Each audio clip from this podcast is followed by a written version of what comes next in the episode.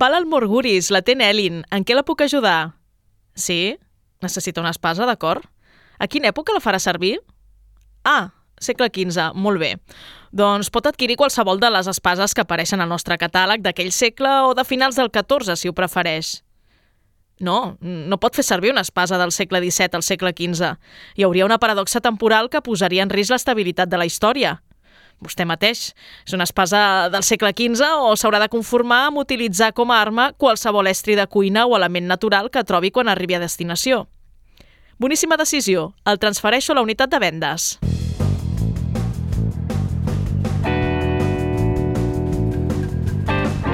Quimèric, amb Karen Madrid. Benvinguts al Quimèric. No tots els sentiments negatius són perjudicials per la nostra vida. La ràbia, per exemple, pot ser un bon motor per l'acció i per la creativitat. Així ens ho ha demostrat el Marc Vintró a la seva antologia de relats Unes ganes salvatges de cridar, nascuda de la ràbia extrema i guanyadora del Premi Mercè Rodoreda. Avui descobrirem aquesta obra amb una entrevista que li van fer a la 60a Tercat, organitzada per la Societat Catalana de Ciència Ficció i Fantasia a Banyoles. Una cita on també vam conèixer la Mar Gavalo, que va presentar-hi la novel·la novel·la 99942 a Pofis 2029. I també vam aprofitar per visitar el taller de l'entitat especialitzada en recreacions històriques, Alma Cubrae. Escoltarem els seus responsables que ens van explicar la seva professió feta a mida. A banda de tot això, avui també parlarem de còmic, més concretament de l'exposició sobre els 85 anys de Batman, que es pot visitar fins al juny al Museu del Còmic de Sant Cugat és el que donarà de si el 13è quimèric d'aquesta vuitena temporada que fem possible amb el Toni González a les vies de so, i l'Iker Mons, la Marina Tovella i la Clara González a la producció. Comencem. Al Quimèric sempre et portarem el nostre Pokéball. Notícies del Fantàstic.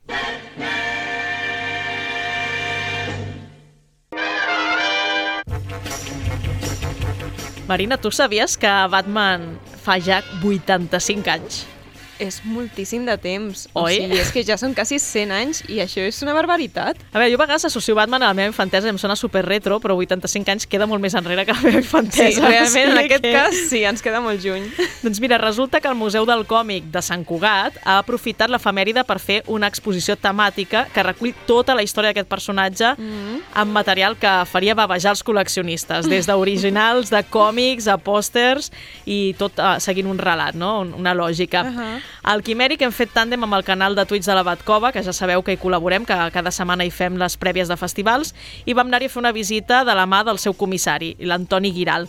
Doncs ens va fer una visita genial, no uh -huh. només per l'exposició, sinó per tot el museu, que és un museu privat impulsat pel José Luis Villanueva i el Paco Baena. Són, una, perquè et facis la idea, una casa patrimonial, estil Ràdio Sabadell, oh. tres plantes, amb diverses sales, i cada sala és una època diferent del còmic espanyol fins a arribar als nostres dies. Jolín, que fort, sí que tenien material, no? Moltíssim. De fet, eh, exposats s'hi poden veure 500 exemplars, però entre els dos impulsors de, del museu en tenen més de 3.000 en les seves col·leccions. Ostres, eso es locurote, eh? eso es obsessió intensa. És impressionant. A més, ens va fer doncs, la història, un repàs per la història del còmic a l'Estat, i tot i que la majoria surt de Catalunya, doncs um, sí que hi ha doncs, punts en comú. No? Ja arrenca el segle XIX, a finals del segle XIX, amb vinyetes incloses en revistes satíriques per adults, uh -huh. i és el 1915 que es publica per primer cop el còmic desvinculat d'aquestes revistes, un uh -huh. còmic que es diu Dominguín. I a partir d'aquí es veu tota una evolució, sala per sala, en moments marcats, per exemple, per la Guerra Civil, no? moments en què s'havien de, de deixar de publicar certes coses o que es publicaven certes altres, no? depenent del bàndol que eres. Mm. La censura, que es va posar molt dura amb una llei a partir de 1955 i que va infantilitzar els còmics que es publicaven. Mm -hmm. És a dir, això em va impressionar, eh? Aquella creença que tenim aquí a Espanya de que el còmic és per nens ve d'aquesta llei de la censura. O sigui, imagina't ah. si va calar fons que encara ho tenim uh, avui en dia dintre de l'imaginari col·lectiu. Sí, sí, perquè crida l'atenció que altres països és com, com una novel·la, un material normal per adults. Exacte, doncs aquí hem tingut aquesta, aquest problemilla, aquesta, uh -huh. aquesta llei de la censura que ens ho va Todo complicar. por Franco, como siempre. Totalment, hi ha, hi ha bastanta... L'evolució es nota també en aquestes publicacions. Uh -huh vam poder parlar amb l'Antoni Giral eh, quan vam fer, acabar de fer aquesta visita i li vam fer quatre preguntes d'aquesta exposició de Batman. Doncs som aquí amb el comissari d'aquesta exposició dels 85 anys de Batman i volem saber uh, com s'ha ideat aquesta exposició i per què ara, per què el 85è i no el 75è o esperar el 100, per exemple. Sí, és una bona pregunta, però creiem que era un bon moment. A veure, el 85 és una excusa. Aquí el que es tracta bàsicament és de parlar d'un personatge que a nosaltres ens sembla que és mític, que és icònic, però sobretot que és important dintre de la història dels còmics, no? i com et deia, trobar el 85è aniversari només és una excusa. Quin material veiem aquí? Perquè hem vist tant originals com també cartells. Com es tria aquest material i d'on surt? Bé, el material és complicat perquè, clar, hi ha molt d'on escollir, no? Aleshores, el que fem sobretot, nosaltres intentem que es vegi una mica de tot. O sigui, som conscients de que hi ha unes vitrines i aleshores en aquí tenim que tenir material imprès. Aquest material imprès és de diverses etapes, de diverses èpoques i de diversos països. No? En aquest cas, sobretot hi ha edicions espanyoles, tant d'editorials com Norma, Planeta, Cinco, ECC, però també de Novaro. I també hi ha algunes edicions estrangeres. Provoquem, intentem que hi hagi una mica de tot. I respecte al tema de les, com escollir les il·lustracions, eh, intentem anar per les que ens semblen més significatives, més curioses, més anecdòtiques i que expliquen una mica la història del personatge. No? A aquest nivell hi ha una mica de tot, hi ha sobretot cobertes. Tot aquest material el traiem d'edicions nostres o mm, de les xarxes. No? Eh, com et deia, el difícil no és trobar el material, sinó que és trobar un material que estigui en condicions de ser reproduït i, sobretot, tenir el criteri per dir a veure què volem treure exactament. No? Per exemple, per nosaltres és important també tot el que envolta el Batman i una de les coses que l'envolta és el cinema o la televisió, no? Aleshores hem buscat cartells de pel·lícules, però sobretot aquells cartells dels serials dels anys 40 i 50 que són molt, molt curiosos i molt, molt espectaculars. També li dediqueu un espai als creadors de Batman. Creieu que són els grans oblidats o els grans desconeguts? Absolutament, aquest és el problema. I sempre s'ha dit, perquè el senyor Bob Kane va fer una, una estratègia molt, molt lletja, al meu parer, i ell es va arropar, diguem-ne, amb la creació única i exclusiva de Batman, no? però Batman és cosa de dues persones. I aquí ens interessava molt que quedés clar que Batman és una creació d'un guionista que es deia Bill Finger i d'un dibuixant que es deia Bob Kane. Uh, el Bob Kane va tenir una primera idea, el Bill Finger li va dir per on podia anar el personatge, el Bob Kane ho va refer i entre els dos mm, van presentar la idea i els primers guions són del Bill Finger. Per tant, Bob Eh, per tant, Batman és de dos autors. També hem vist una llarga llista de dibuixants espanyols que tenen vinculació amb Batman. Sí, és molt curiós. Eh, la llista comença als anys 40, perquè hi ha una edició espanyola en la qual l'editor no va voler pagar drets d'autor i aleshores què va fer? Va encarregar un guionista que es deia Julio Fernández i un dibuixant que es deia Julio Rivera, que després va ser un dibuixant força conegut, sobretot a França, va encarregar-los una història que es deia Robin i el murciélago, que era imitar, plagiar les tires de premsa que es publicaven als anys 40 als Estats Units, però després amb noves aventures. Aquesta va ser el primer contacte. I a partir dels anys 60 el contacte ja és José Luis García López, un grandíssim dibuixant espanyol nascut a Pontevedra, que va migrar a l'Argentina i després als Estats Units, que comença a dibuixar Batman i a partir dels anys 80 i 90 sobretot la llista d'autors espanyols de dibuixants espanyols que han fet Batman és molt llarga, entre altres coses perquè des dels anys 1993-94, quan apareixen, per exemple, Carlos Pacheco, Salvador La Roca o Pasqual Ferri, que comencen a publicar als Estats Units, hi ha molts, molts i molts dibuixants i dibuixantes espanyols i espanyoles que col·laboren ja directament per Marvel i DC i altres companyies. Tota aquesta exposició s'emmarca en el projecte de, del Museu del Còmic, que ens ha estat fent una, una visita i que distribuïu per, per etapes, no? per, per dècades. El Museu del Còmic, eh, com neix com a projecte i, i què és el que es pot veure per la gent que tingui ganes de venir a veure aquesta exposició, aprofiti per fer la visita sencera. Bueno, el Museu del Còmic, de fet, és una iniciativa del José Luis Villanueva i, i del Paco Baena. Del, és una iniciativa que neix l'any 2019, però estic segur que neix després de que durant molt de temps s'ho pensessin bé, no? perquè, clar, muntar un museu del còmic mm, privat és eh, tasca complicadíssima a tots els nivells. Eh, Diguem-ne, l'espai és un espai idoni, molt maco, que és propietat de la família Villanueva, I, clar, el fons que tenien aquests dos, aquestes dues persones que són col·leccionistes i grans experts en còmic és important. Aleshores, aquest fons està aquí, es poden veure unes 300 peces d'aquest fons que tenen i està dividit per ordre cronològic. I, bàsicament, eh, podem veure la història de la historieta a casa nostra. O sigui, bàsicament el que hi ha són publicacions i originals d'autors i autores espanyols, però també estrangers que s'han publicat aquí a Espanya. Jo crec que és una visita obligada per qualsevol persona, no ja només que sigui fan de la historieta, que per suposat, sinó que senti curiositat, no? perquè hi ha una explicació, hi ha explicacions de tot en aquest museu i ho entens, crec que ho entens molt bé i a més et sorprens. O sigui, hi ha coses que fins i tot la gent que en sap de còmics sorprèn perquè no les havia vist, no? I aquí estan. I pregunta per als amants del fantàstic. Uh, hem vist una evolució del còmic, uh, però hem vist molt, poc, molt poca temàtica fantàstica fins ben bé als 70 ens ha, ens ha costat de trobar. És així o és que la selecció potser cost, eren més minoria els temes que relacionaven amb, amb la fantasia, el terror o la ciència-ficció? Bueno, aquí hi ha, aquí hi ha sempre explicacions. Um, el gènere, diguem-ne, sobretot el que és fantasia, és més difícil de trobar. Ciència-ficció, gràcies sobretot a l'èxit de sèries com Flash Gordon, que van tenir aquí a Espanya, publicada a partir de l'any 35, era més fàcil de trobar, però els gèneres favorits dels TVOs espanyols no, no estaven ni la fantasia ni la ciència-ficció. I el terror té una explicació molt lògica que es diu censura.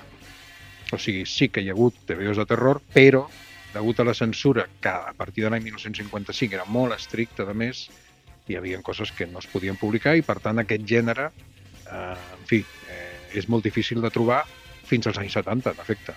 A partir dels 60-70, sobretot a finals dels 60, que es produeix una petita revolució que passa pràcticament a tot el món. No? O sigui, és una revaloració de la historieta, de que el còmic és un mitjà de comunicació també per adults. Això arriba a casa nostra una mica tard, però arriba, i entre altres coses dona més entrada a gèneres com el fantàstic i el terror. Doncs moltes gràcies per atendre'ns. A vosaltres, que vagi bé. Si us ha semblat interessant, eh, us recordem que aquesta visita té un preu de 6 euros, l'entrada al museu, i a més han tret un catàleg de l'exposició permanent molt complet que actua de llibre d'història del còmic de l'Estat. O sigui que si teniu ganes de, de tenir doncs, tota la història desgranada amb imatges escanejades, a, amb text de l'Antoni Giral també, doncs podeu comprar aquest llibre. Si sou amants del còmic, jo us ho recomano molt.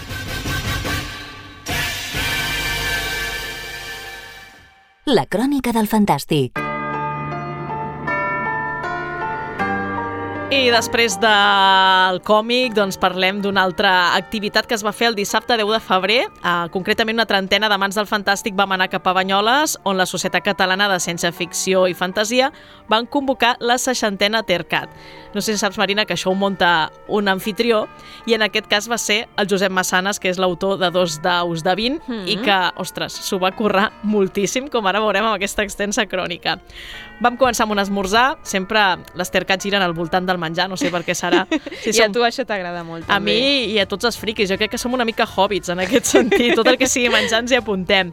Després de l'esmorzar vam anar cap a la llibreria d'Altell, que he de dir, per cert, en antena, que ens van tractar d'una manera immillorable, a l'equip del Quimèric de, ostres, aquí què necessites? Una taula més alta? Jo et poso una taula més alta. Mira, allà mm. tens un endoll. Eh, vols seure aquí? Aquí? Perfecte, jo. Com a famosos, vaya. Si a tot arreu ens tractessin així, la nostra feina seria molt més fàcil. Allà vam poder veure dues presentacions.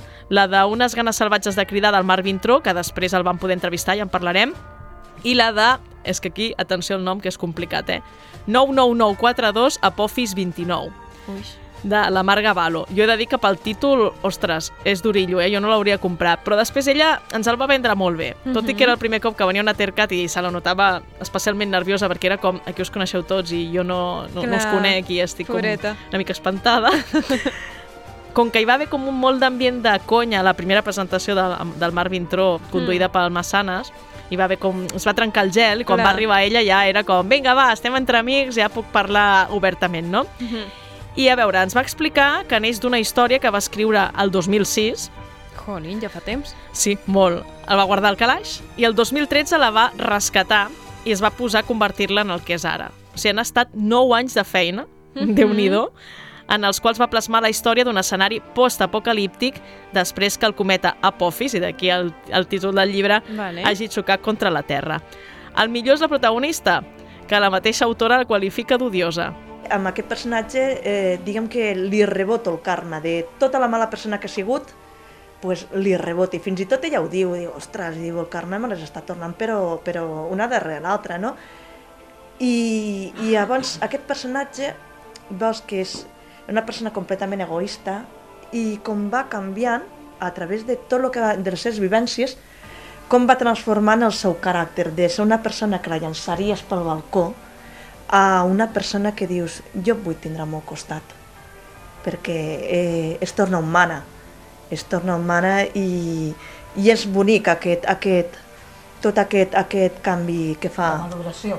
la maduració, la metamorfosi que fa amb, amb totes les vivències que té i, i és una mica pues, un, una crítica a la societat. No?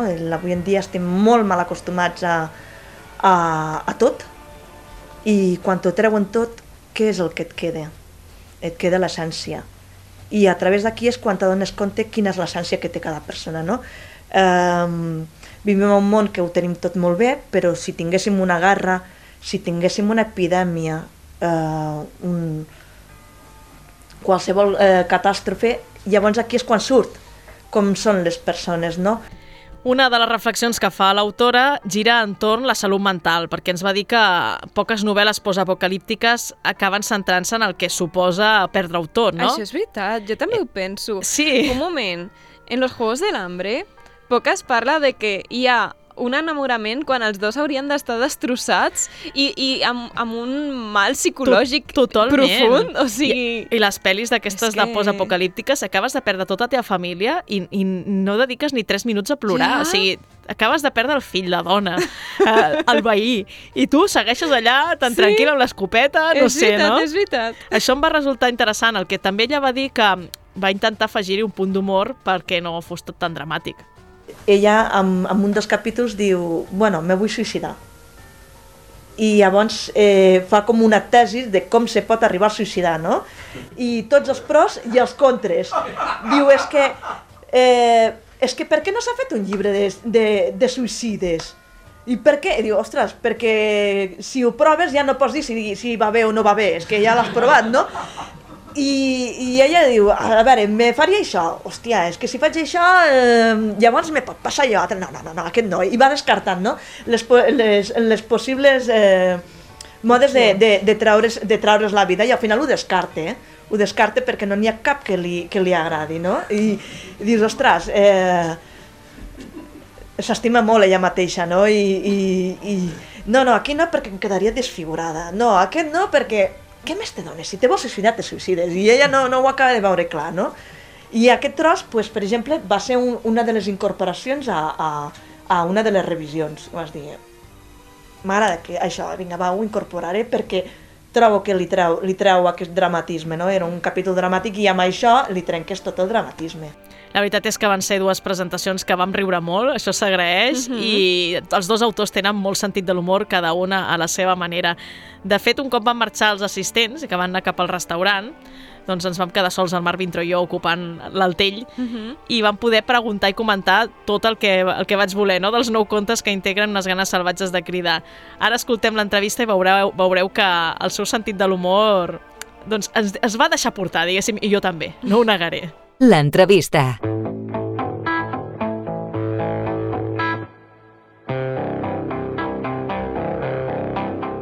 Arbitro, benvingut al Quimèric. Hola, què tal? Aquí estic.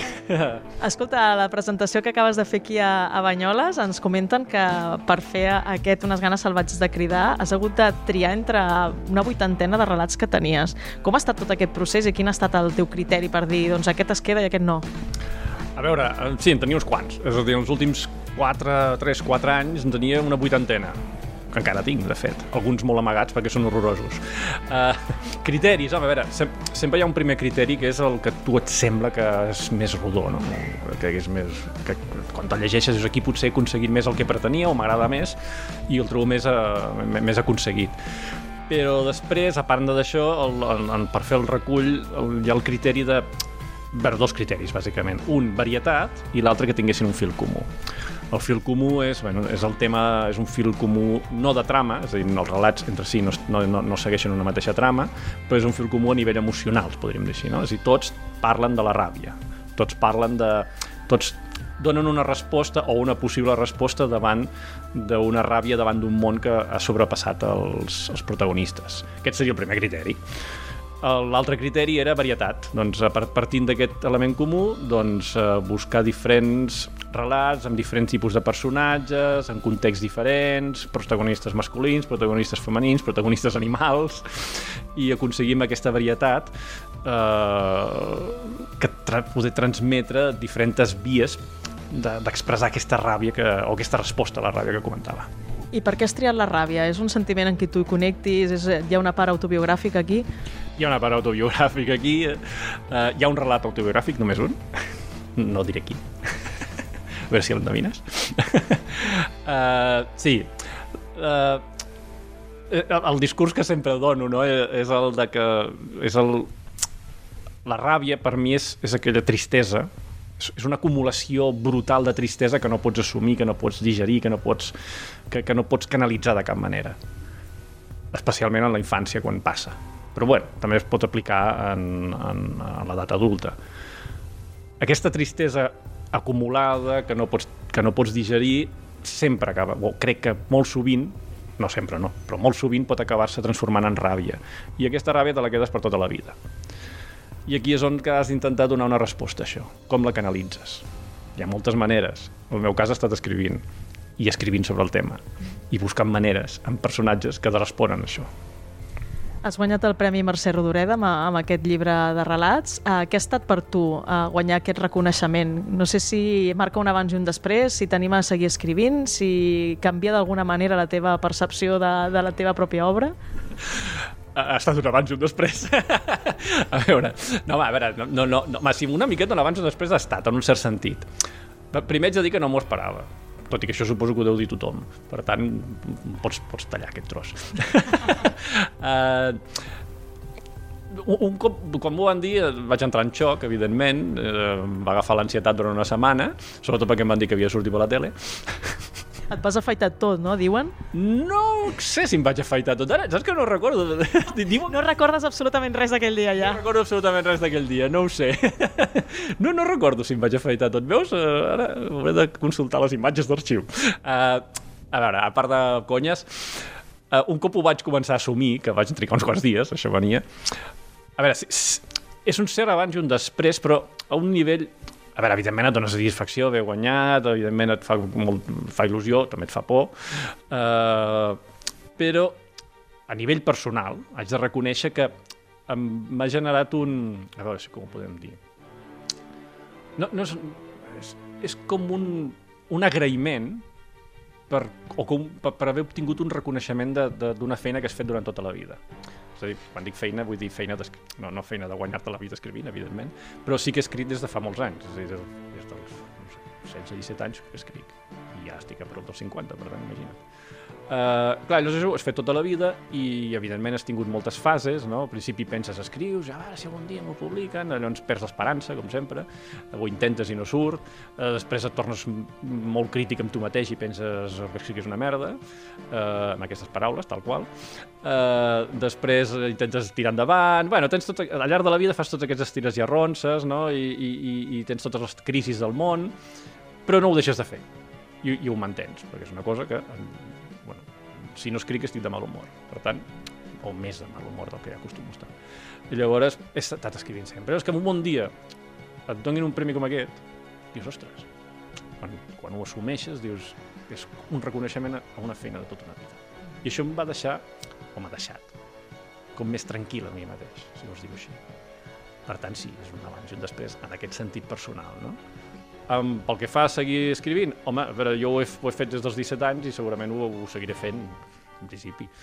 Uh, clar, guanyar això doncs, sempre et dona com... Bueno, et dona una, una perspectiva diferent, perquè ara de sobte és que no sé si és necessàriament bona, perquè ara de sobte escrius pensant que el que escrius potser se't publicarà. I això fa angúnia. No sé si m'explico.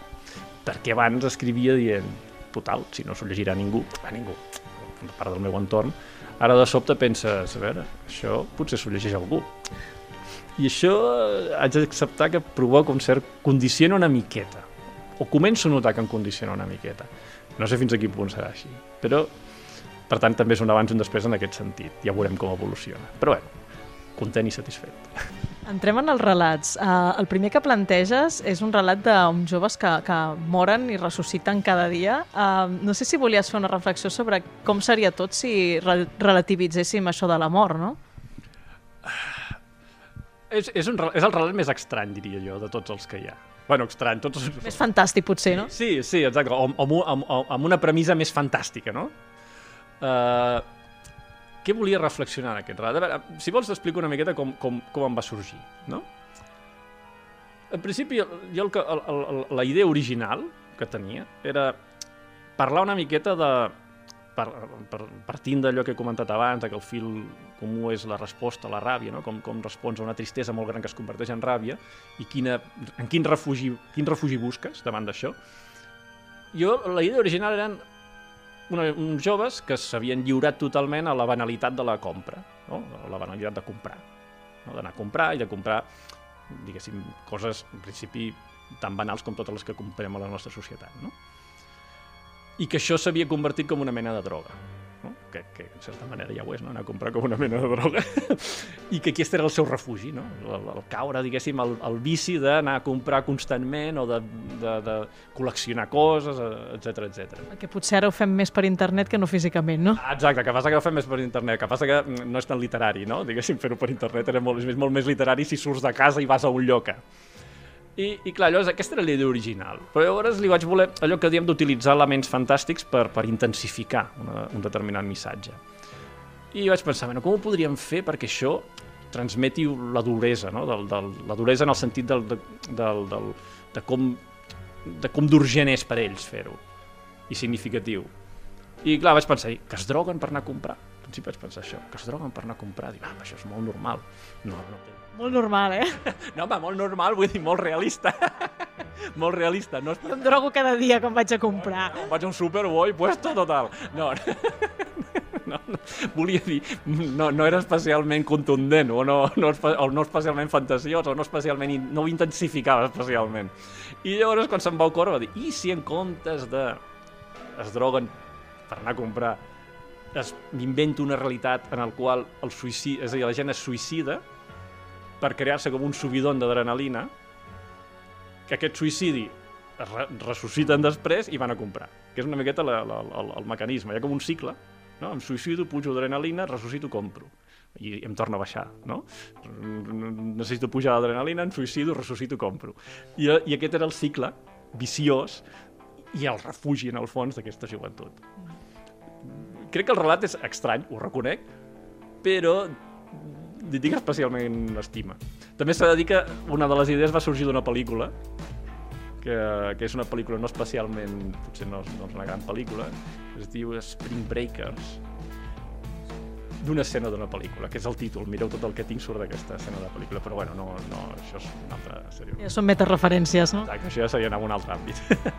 Llavors hi ha un dels relats que a mi més m'ha agradat, potser pel personatge protagonista, que és el de l'enterramorts. Com ha estat aquest relat? Perquè a mi el que em dóna sensació és que... Uh, no sé com dir-ho, eh, però que trobes a faltar no? la figura de l'enterramorts clàssica i tradicional, perquè ara tota la feina aquesta d'enterramorts s'ha convertit en una cosa com molt escèptica, molt burocratitzada, no? Uh, home, sí, clar. En, en general tot s'ha convertit molt escèptic i burocratitzat. I, i com, com, el, com va sorgir la idea? A veure, la idea de la... T'ho he comentat abans, és, és l'únic relat que em va sortir d'una tirada. És a dir, generalment els relats tenen un procés, fas uns primers intents, tires enrere, borres, pinga, pam, revisat, tot és com...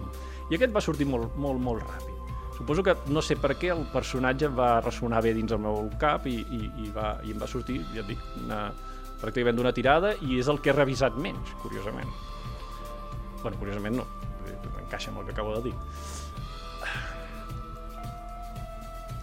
El vas escriure pel personatge o el vas escriure pel que hi passava? El vaig, el vaig es... A veure, la, la, la idea era fer un, una. A veure, la idea original era fer una història en la qual no es pogués determinar si el personatge és o no és l'assassí, en aquest cas. No? D'un crim determinat i tot el relat està muntat perquè no se sàpiga. M'han dit que hi ha una pel·lícula ara que tomba que una miqueta fa això, però no, sé, no, no recordo el títol. Però si t'hi fixes no, no, no, no ho dic en cap moment que ha estat ell qui ha fet el que ha passat. Tot i que sí que ho puc suggerir, ho suggereixo, però no ho dic. A mi, com que em cau tan bé l'enterramorts, jo crec que no és ell. I, ho celebro. La idea és que cadascú al final, diguéssim, és, és com una miqueta un relat quàntic, no? És a dir, és i no és l'assassí a la vegada. L'enterramorts de Schrödinger. Ah, Exacte. I mira, que s'ha d'obrir la caixa del relat, que no sé on estan les caixes dels relats per saber si és o no és l'assassí. Però la idea és aquesta, era provocar aquesta sensació de que al fin, és a dir, sensació d'ambigüitat i que al final el lector una miqueta el, bueno, prengui la seva posició. Això per una banda. Per altra banda, haig de dir que el personatge em rondava molt a Flores per Algernon. Un llibre boníssim. llibre meravellós, fantàstic. I haig de dir que, tot i que el personatge no és que tingui res a veure, però és... Però sí, que té el punt de tendresa aquesta, no?, del Charlie. exacte. I volia crear un personatge d'aquest estil. Tot i que en el seu cas no, no li canvia la intel·ligència, però ja la té la que té, però té diguéssim, té un, una intel·ligència, podríem dir, particular, Justeta. Sí, exacte. Una visió particular, no? diguem-ho així, però, però haig de dir que pensava això, un personatge d'aquest estil que ja viu una miqueta com en, el, en els límits, no? en, el, en els marges de la societat, en Terramorts també és viure en el marge de la societat, o, del, o de la vida, fins i tot, i, i, i va ser la combinació una miqueta d'aquests elements, no? un personatge que viu al marge, que té una feina que és al marge, i que el que fa no es pot determinar des del punt de vista dels que no estem al marge, no? dels que estem a la vida, la vida normal, real. És que ara m'he quedat, ara entenc per què m'ha agradat tant aquest relat, és que Flores per Algernon és el meu llibre de referència. Trobo fantàstic aquell llibre. I tot, bueno, ara allò, allò que sempre diem de fer i que canviem cada dos per tres, el top 10 no? dels llibres, però bueno, de la ciència-ficció, si hagués de fer un top 10, el Flores per Algernon n'hi és segur. Seguríssim, eh? Seguríssim. Seguint amb els teus relats, eh, n'hi ha un altre que també jugues amb el lector, que és el del nen que va al psicòleg.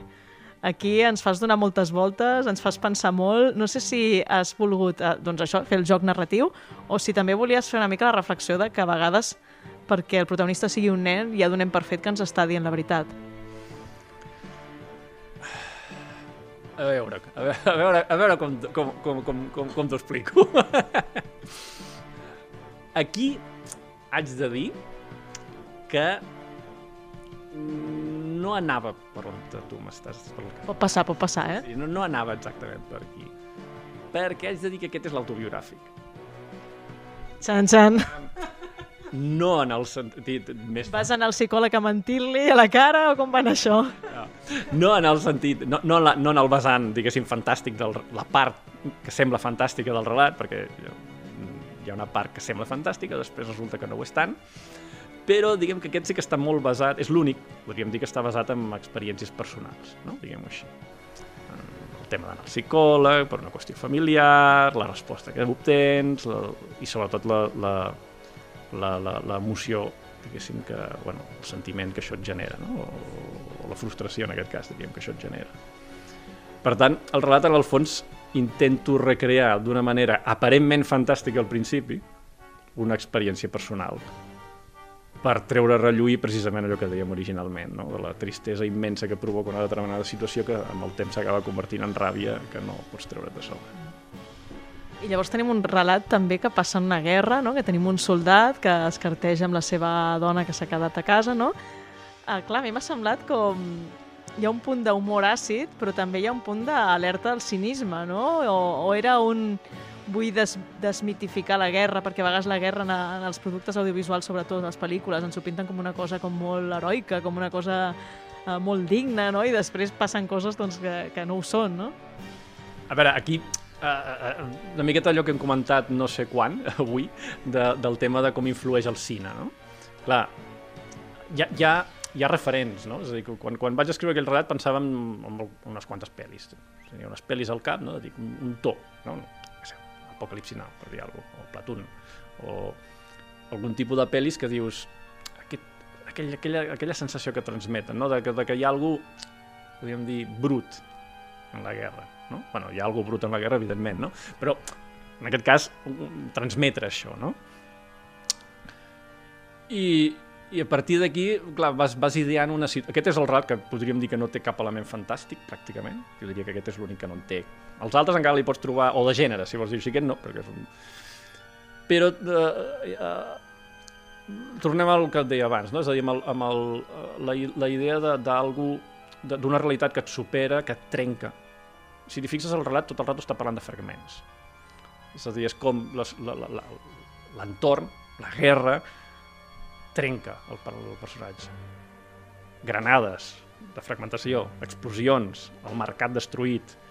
Tot, tot és com la societat et destrueix, et trenca trossos, et fragmenta.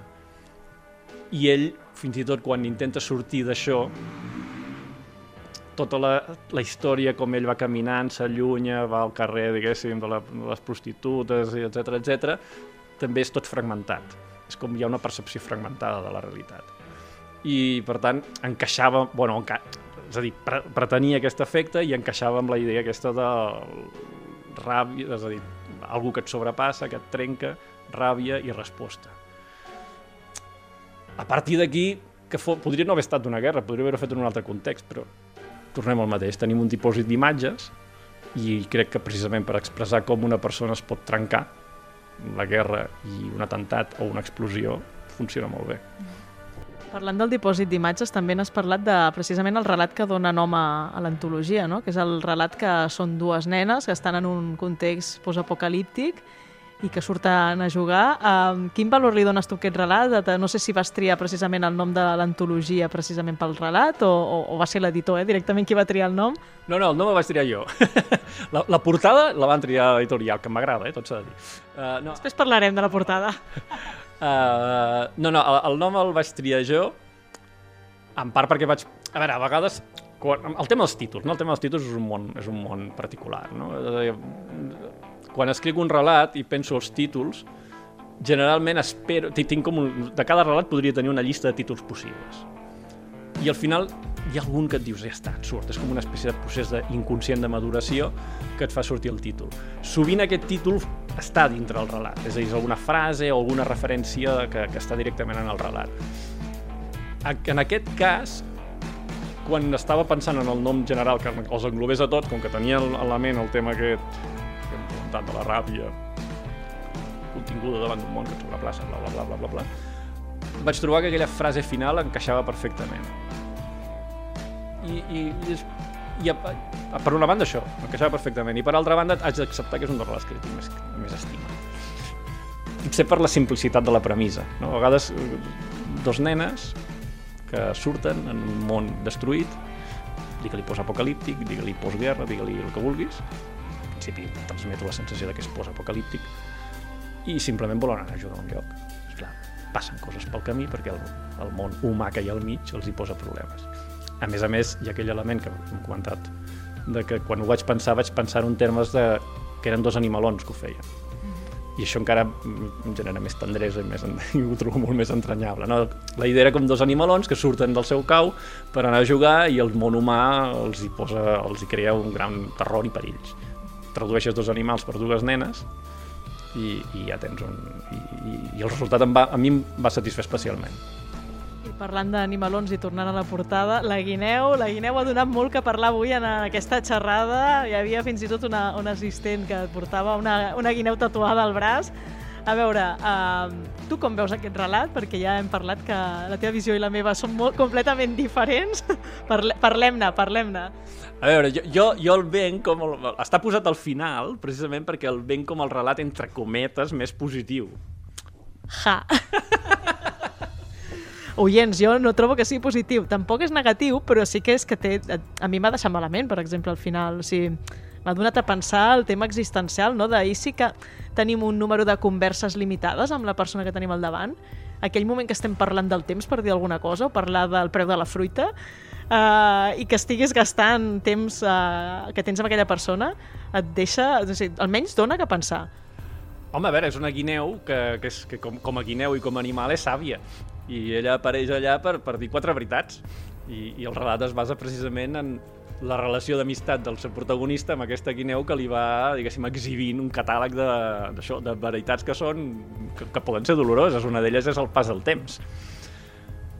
que no deixa de ser una cosa que hauríem de tenir tots molt més conscients i que no en tenim gens, no? Com el temps passa i com després d'aquest temps, al marge de les creences religioses de qui vulguis, la meva posició és que no hi ha res més. Clar, això sí, és, és existencial, com dius, i en cert sentit no és positiu, però no és positiu si ho vols veure com, com una tragèdia. Al final, tornem al mateix, tenim un temps determinat, tenim unes possibilitats, de, depèn de nosaltres, en part, què fem amb aquest temps. Jo el trobo que és... A veure, potser abans he dit que era, com he dit, era el, el més positiu, el més, el més alegre, em sembla que he dit un... Alegre, sí. No, no, em corregeixo. No és que sí... A veure, tampoc és... No... Bueno, Cada lector hi veurà el seu enfoc, trobo. és el més tendre, diguem-ho així. I potser és el menys fosc. No? Sí, això ho compro, sí. Estem d'acord? Vale, doncs el vaig posar al final perquè és el relat més tendre i perquè és el menys fosc. A mi també m'ha fet pensar, però, um, al principi de la relació entre la guineu i el protagonista no és una relació que ells vulguin, no? Una mica és com que es veuen que la situació els ha portat allà i que són com companys de circumstàncies i després surt l'amistat, no? Sí, a veure, jo, jo en general, a veure, potser en, el- en els meus relats no sé si sempre es transmet això, però uh, en, en, a veure, podríem dir que tinc una posició filosòfica, hòstia, ara em poso seriós, eh? Bé, vaig estudiar filosofia, per tant, algo, algo filosòfic m'haig de posar. Algú queda. Algo queda, algo queda. Poco, però algo queda. Uh, tinc una posició filosòfica que, que és que desconfio molt de la llibertat. Quan dic que desconfio de la llibertat vull dir que no hi crec massa. O dit d'una altra manera, crec que les coses ens passen i nosaltres hi tenim poc eh, a decidir en això. Fins i tot quan ens pensem que escollim alguna no ho estem escollint. De fet, això ho diuen els, els, la neurociència, ho diu, eh? que de, quan, es, quan pensem que hem decidit alguna cosa, el nostre cervell abans, unes dècimes, ja, ja dic cap allà. Per tant, molt sovint pinto situacions, bueno, pinto no, en aquest cas escric, situacions uh, uh, uh, on les coses passen una miqueta sense que ningú ho decideixi, simplement esdevenen i es despleguen. I aquí és una miqueta, el, el, en aquest relat és així, al començament sobretot, no? És a dir, està, i de sobte es, es genera aquesta situació sense una explicació clara, sense que ningú decideixi ni, ni, ni hi hagi un per què determinat, ni una intenció. Simplement passa, i aquest passa, es desplega, i aquest, i aquest desplegament genera una amistat. Com la vida. Ah, eso mismo, como la vida misma. sí, sí.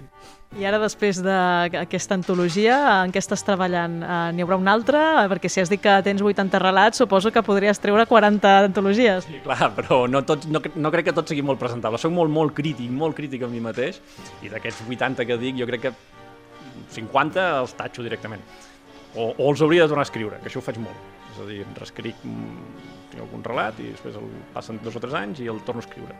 La mateixa idea, més o menys, però escrit totalment diferent. De fet, alguns del, dels que surten en, una, en, el, en el recull es, no són els originals originals, és a dir, eren reescrits de- d'abans. En tot cas, en plans, home, mira, puc dir una cosa. La primícia. Va, va, va, m'encanten les primícies. En teoria, si no es fan enrere, si no es fan enrere, eh, que no se sap mai, però em publicaran una novel·la. I sortiria, en teoria, al principis de l'any que ve. Fantàstica? Uh... A veure, Una mica els marges, veig, eh? els marges està, de fet hi ha una, i, i això dels marges és important perquè el títol ha la paraula marge si no me la fan canviar l'editorial. Uh, a veure, no, no és fantàstica, val? però té una certa pinzellada molt petita de ciència-ficció. Quan dic molt petita ho dic perquè la història passa a uns 15 o 20 anys en el futur, quan el tema del canvi climàtic ja bueno, anava a dir és evident, ara ja és evident, però vull dir encara més, diguem-ho així, no? Diguéssim, hi ha moltes evidències molt més clares i, és, eh, la, i, i per tant tota la història es produeix en aquest context. Una parella, en un context d'un món ja que comença a desteixir-se, si vols dir-ho així, no? les costures ja fallen per tot arreu, no diré que pren decisions, perquè abans de dir que no prenen decisions, sinó que la realitat els porta a fer un canvi de vida que els hi podríem dir adapta a les noves circumstàncies. No és... Molts eufemismes estic veient aquí en aquesta sinopsi, però bé, estaré atenta. És que no sé com explicar-ho ara mateix. De, uh, Tindràs temps, tindràs temps de plantejar com, com vendre-ho, no? doncs això, en principi, si l'editorial, bueno, l'editor no es fa enrere, que espero que no, perquè uh, sortiria l'any que ve, uh, bueno, segurament a principis de l'any que ve, amb editorial Empúries. Doncs moltes gràcies, Marc Vintró, per atendre el Quimèric. Gràcies a tu, i tant.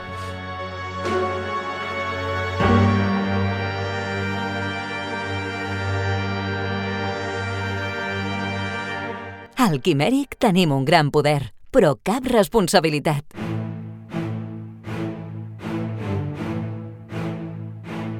I després del dinar va ser el moment de l'expedició. Vam deixar Banyoles. Uau! El millor va ser que nosaltres vam fer un comando amb la, amb la furgoneta de l'anfitrió, eh? O sigui, té una gran Ostres. furgoneta d'aquestes de, de 6-7 persones i vinga, tots cap a Camós, que està Molt just bé. al costat. I resulta que aquest poble és la seu dels Alma Cobrae. Ara t'ho imagina't, un, una antiga granja que Vale. està ja destartalada, apuntalada i tal, i que la part que es manté sencera, que és el graner, s'ha convertit en un magatzem. I Bueno. entres i tot està ple d'armadures, d'espases, de catapultes, Ostres. de personatges estranys... Doncs És guai. has entrat al taller de l'Àngel i el Jordi. Ells fan ar armadures a mà, espases, tota mena de material de batalla, estan especialitzats en el segle Ostres. XV i XVI, i a més està documentat, eh? o sigui, miren quin, quines armadures es portaven, quines Perquè armes es tinguin portaven. lògica, no? Ah, Històrica. exacte, no és un medieval abstracte, sinó Que fort, que es que portava guai, al segle no? XV. Ara t'ho imagina't el que és entrar 30 friquis en un magatzem ple d'aquest material i que et Ja, donin ja. permís per tocar. Clar, va, imagina't tots el, el, el, els homes, gènere masculí, posant-se armadures, provant espases, Hola. fent-se fotos amb Tu cascos. no et vas provar res? Jo vaig estar tocant molt eh, mans, eh, peus, eh, cares, fascinada amb les cares Que hiperrealistes que tenien fins i tot pèls de, de barba, o sigui, era increïble. Jo tocant tot arreu, ells provant-se i fent-se fotos, i així va ser, no? Um, ells dos, uh, l'Àngel i el Jordi, ens van poder explicar d'on surt aquest projecte, uh, perquè s'han hagut d'especialitzar per diferenciar-se d'altres entitats d'aquest tipus, que n'hi ha moltes. Doncs va sortir d'una anècdota molt curiosa. Jo vaig estudiar el que era l'FPD, d'Administració i Direcció d'Empresa, i, bueno, quan vaig acabar això m'havia de cantar cap a empresarials, econòmiques, o, o no sé, buscar-me la vida. O, o fer la mili, perquè llavors tocava fer la mili, no? I, bueno, per casualitats de, de, del món, o un col·lega estava estudiant a Olot, a Belles Arts, i jo no sabia ni l'existència d'aquesta escola ni res, perquè tampoc existia l'internet. Llavors, va, un dia ens vam presentar amb un, amb un company, dic, va, anirem a veure aquesta escola, a veure què tal és. I totes les, les places estaven plenes. Dic, hosti, tu, ara que ens agradava això, ara no podem entrar. I el que vam fer va ser... Va, ens vam passar despavilats, vam anar directe al banc i vam fer l'ingrés de la matriculació sense que ningú sapigués. Llavors amb els papers vam anar a l'escola i dic, mira, és que ja ens hem, ingressat, ens hem inscrit i ja, ja no, podem, no hi ha marxa enrere. I aquí va començar la història una mica de la nostra. No? Jo vaig començar fent escultura i tot darrere venia l'Àngel, que ell feia batxillerat, és, és el meu germà petit, som dos, de fet, i eh, anava seguint els, els, el camí del gran. No?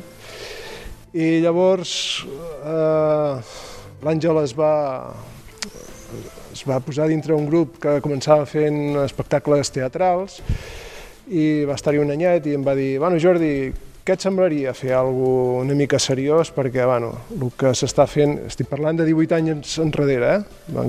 Aquest any fem 18 anys. I, bueno, vaig dir, doncs tirem-se, va. I aquí va ser una mica el, el començament. Vam anar a comprar filferro i amb una manivela anàvem fent tires llargues i ens anàvem tallant i anàvem fent cota de malla, anar cosint, anar fent ganxet. I quan portàvem dos anys ja fent ganxet vam dir, poder que canviem de... Sí, sí. El fet és que no, hi ha, no existeix encara la màquina, però sí que hem descobert els xinos, que els xinos treballen a, a poc preu i, i llavors aquí vam començar ja tota... Vam entrar dintre el Festival Terra Trobadors, vam fer un, ens van començar a fer les nostres pròpies armadures i a partir d'aquí doncs, ha sigut diferents eh, es- espectacles. Vam començar fent fantasia medieval perquè és el que ens agradava, veníem de, de, de, bueno, de, de jugar rol, de, de Senyor dels Anells, de la Dragonlance, no? de, d'històries d'aquest tipus, i vam crear uns personatges, que són els que més endavant, ja ho explicarem, doncs apareixen en el còmic. Vam dissenyar unes armadures, vam crear aquests personatges i vam començar a fer tornejos per les fires medievals.